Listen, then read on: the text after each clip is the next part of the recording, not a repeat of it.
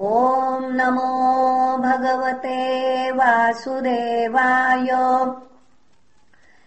श्रीमद्भागवतमहापुराणम् पञ्चमस्कन्धः।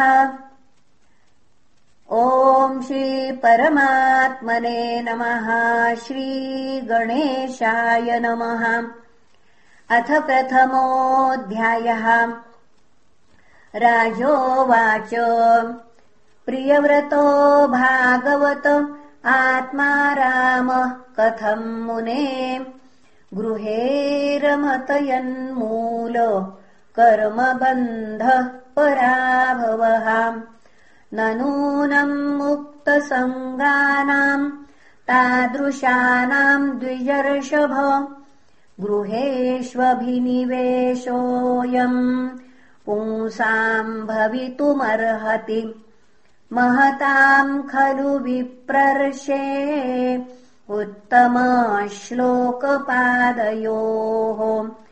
छायानिवृतचित्तानाम् न कुटुम्बे स्पृहामतिः संशयोऽयम् महान् ब्रह्मन् दारागारसुतारिषु सक्तस्य सत्सिद्धिरभूत्कृष्णे। पुनः सक्तस्य यत् सिद्धिरभूत्कृष्णे च मतिरच्युताम् श्रीशुक उवाच बाढमुक्तम् भगवत उत्तमश्लोकस्य श्रीमच्चरणारविन्दमकरन्दरस आवेशितचेतसो भागवत परमहंसदयितकथाम् किञ्चिदन्तराय विहताम्। स्वाम् शिवतमाम् पदवीम् न प्रायेण हिन्वन्ति। यर्हि वावह राजन्स राजपुत्रः प्रियव्रत परमभागवतो नारदस्य चरणोपसेवयाञ्जसावगतपरमार्थ स तत्त्वो ब्रह्मसत्रेण दीक्षिष्यमाणो वनितलपरिपालनायाम्नात् प्रवरगुणगणैकान्त भाजनतया स्वपित्रोपामन्त्रितो भगवति वासुदेव एवाव्यवधान समाधियोगेन समावेशित सकलकारकक्रियाकलापो नैवाभ्यनन्दद्यद्याद्यपि तदप्रत्याम्नातव्यम् तदधिकरण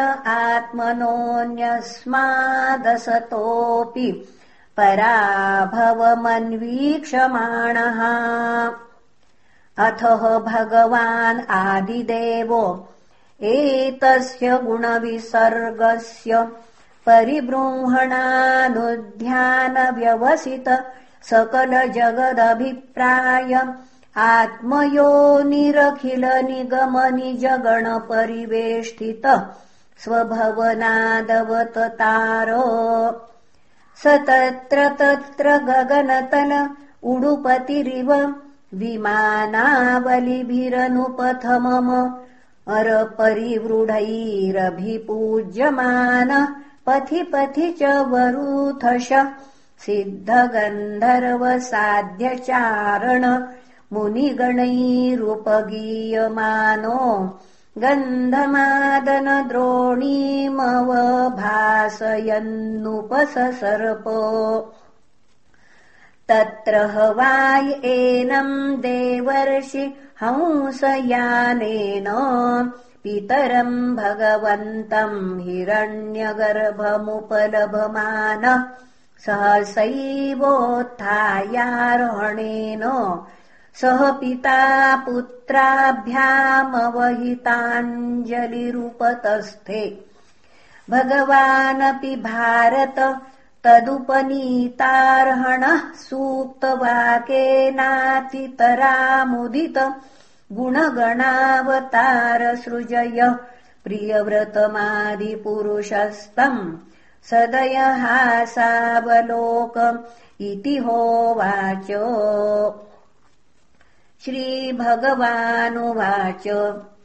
निबोधता तेदमृतम् ब्रवीमि मा सूयितुम् देवमर्हस्य प्रमेयम्। वयम् भवस्ते तत एष महर्षिर्वहाम सर्वै विवशायस्य दिष्टम्। न तस्य कश्चित्तपसा विद्यया वा। न योगवीर्येण मनीषया वाम् नैवार्थधर्मै परत स्वतो वाम् कृतम् विहन्तुम् तनुभृद्विभूयात् भवाय नाशाय च कर्म कर्तुम् शोकाय मोहाय सदा भयाय सुखाय दुःखाय च देहयोगमव्यक्तदिष्टम् जनताङ्गधत्ते यद्वाचितन्त्याम् गुणकर्मदामभिः सुदुस्तरैर्वत्स वयम् सुयोजिताः। सर्वे वहामो बलिमीश्वराय प्रोतामसीव द्विपदे चतुष्पदः। ईशाभिसृष्टम् ह्यवरुन्धहेङ्ग दुःखम् सुखम् वा गुणकर्मसङ्गात् आस्थाय तत्तद्यदयुङ्क्तनाथश्चक्षुष्मतान्धा इव नीयमानाः।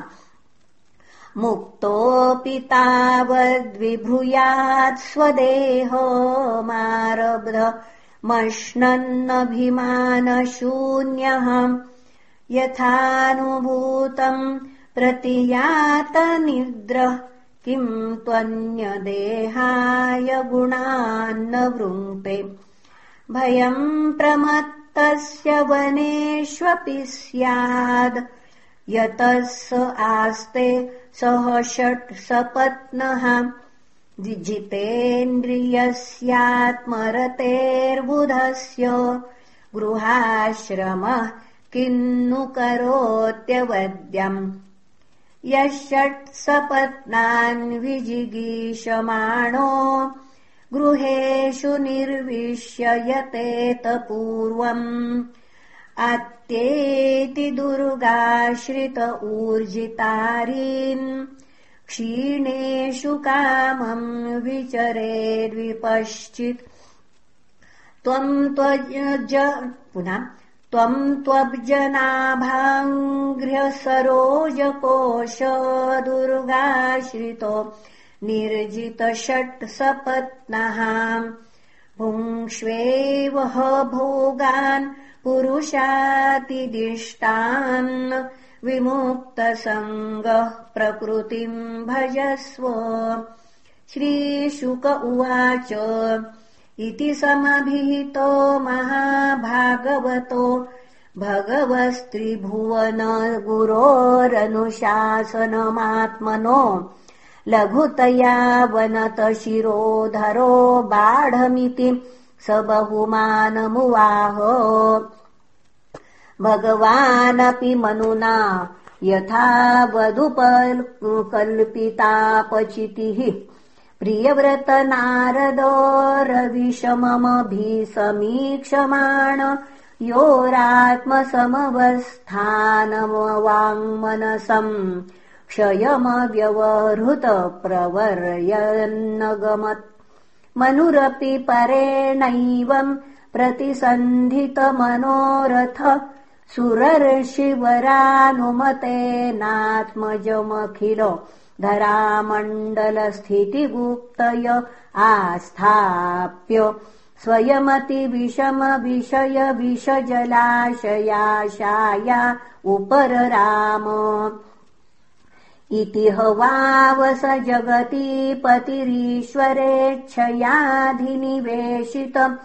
जगतीपतिरीश्वरेच्छयाधिनिवेशित कर्माधिकारोऽखिलजगद्वन्धध्वंसन परानुभावस्य भगवत आदिपुरुषस्याङ्घ्रियुगलानवरत ध्यानानुभावेन परिरन्धितकषायाशयोऽवदातोऽपि मानवरधनो महताम् महीतलमनुशशास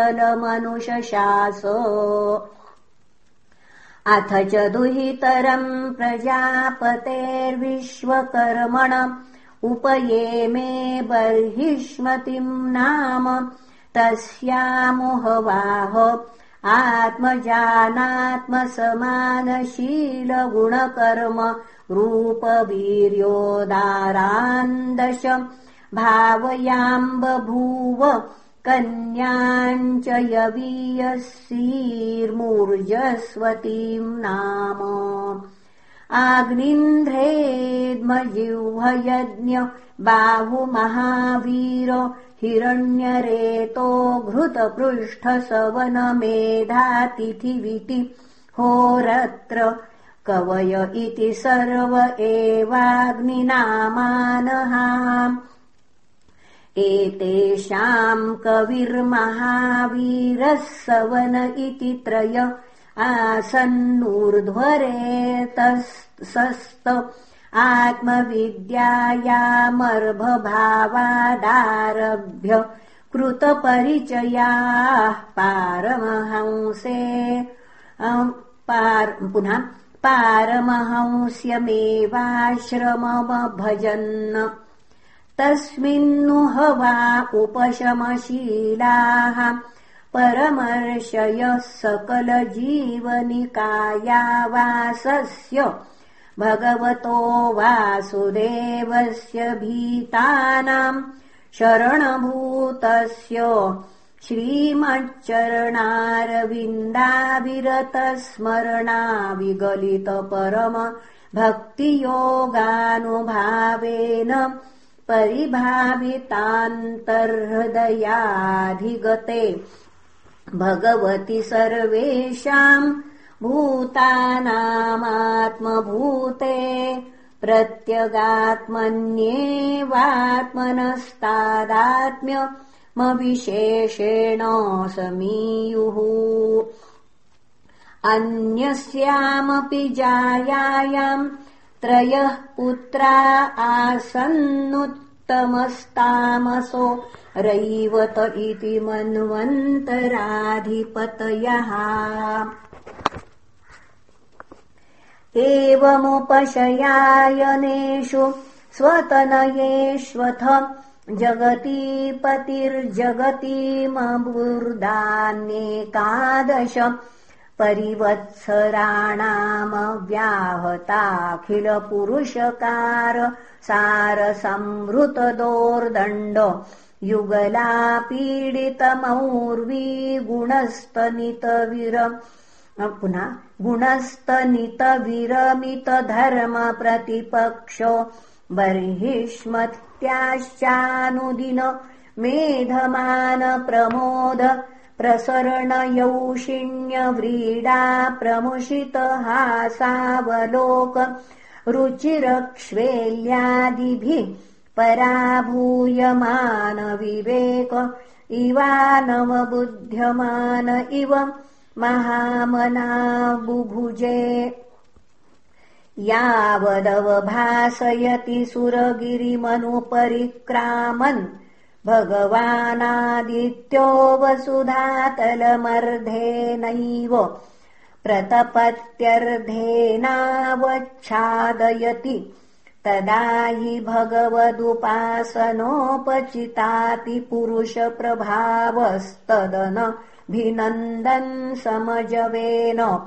रथेन ज्योतिर्मयेन रजनीमपि दिनम् करिष्यामीति सप्तकृत्वस्तरणिमनुपर्यक्रामद्वितीय इव पतङ्गः। ये वा उह तद्रथचरणनेमिकृतपरिखातास्ते। सप्त सिन्धव आसन् एव कृताः सप्त भुवो द्वीपाः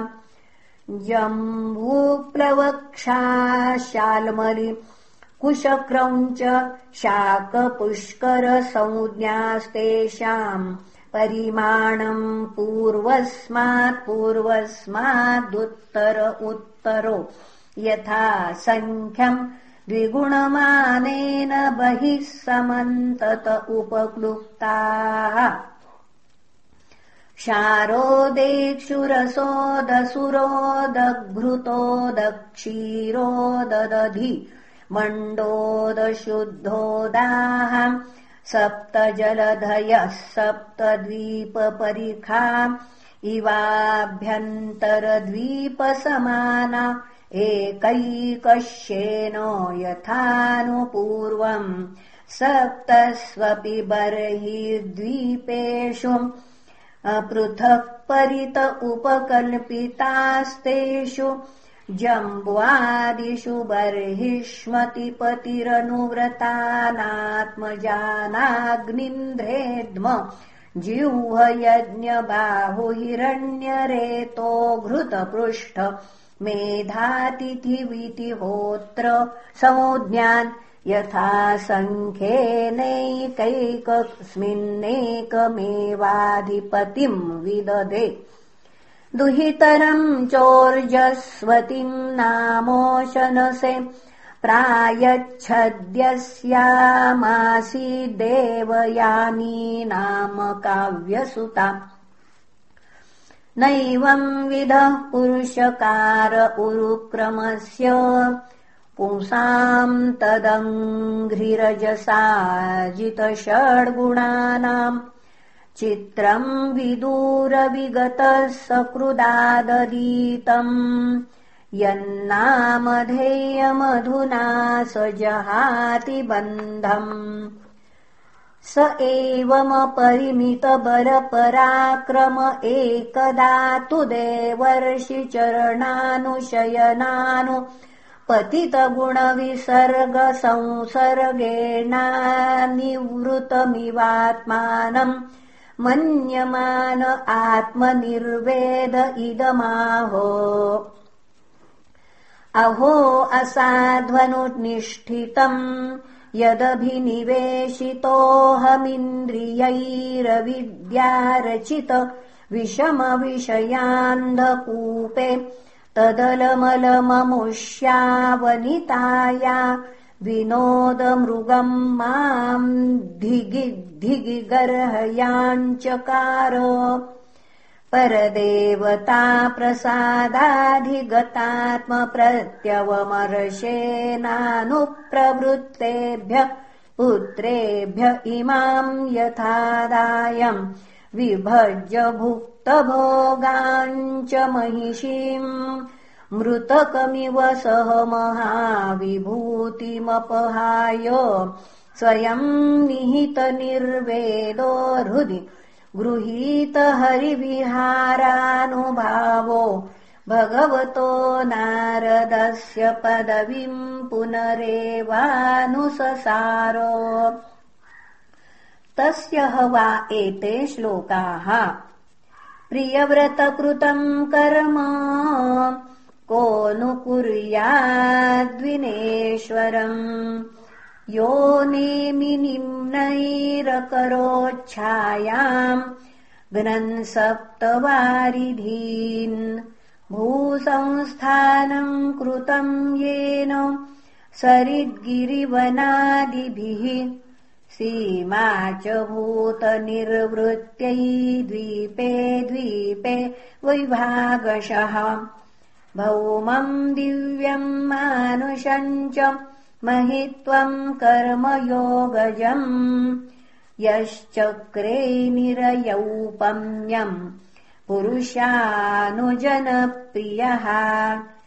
इति श्रीमद्भागवते महापुराणे पारमहंस्याम् संहितायाम् पञ्चमस्कन्धे प्रियव्रतविजये प्रथमोऽध्यायः श्रीकृष्णार्पणमस्तु। हरये नमः हरये नमः हरये नमः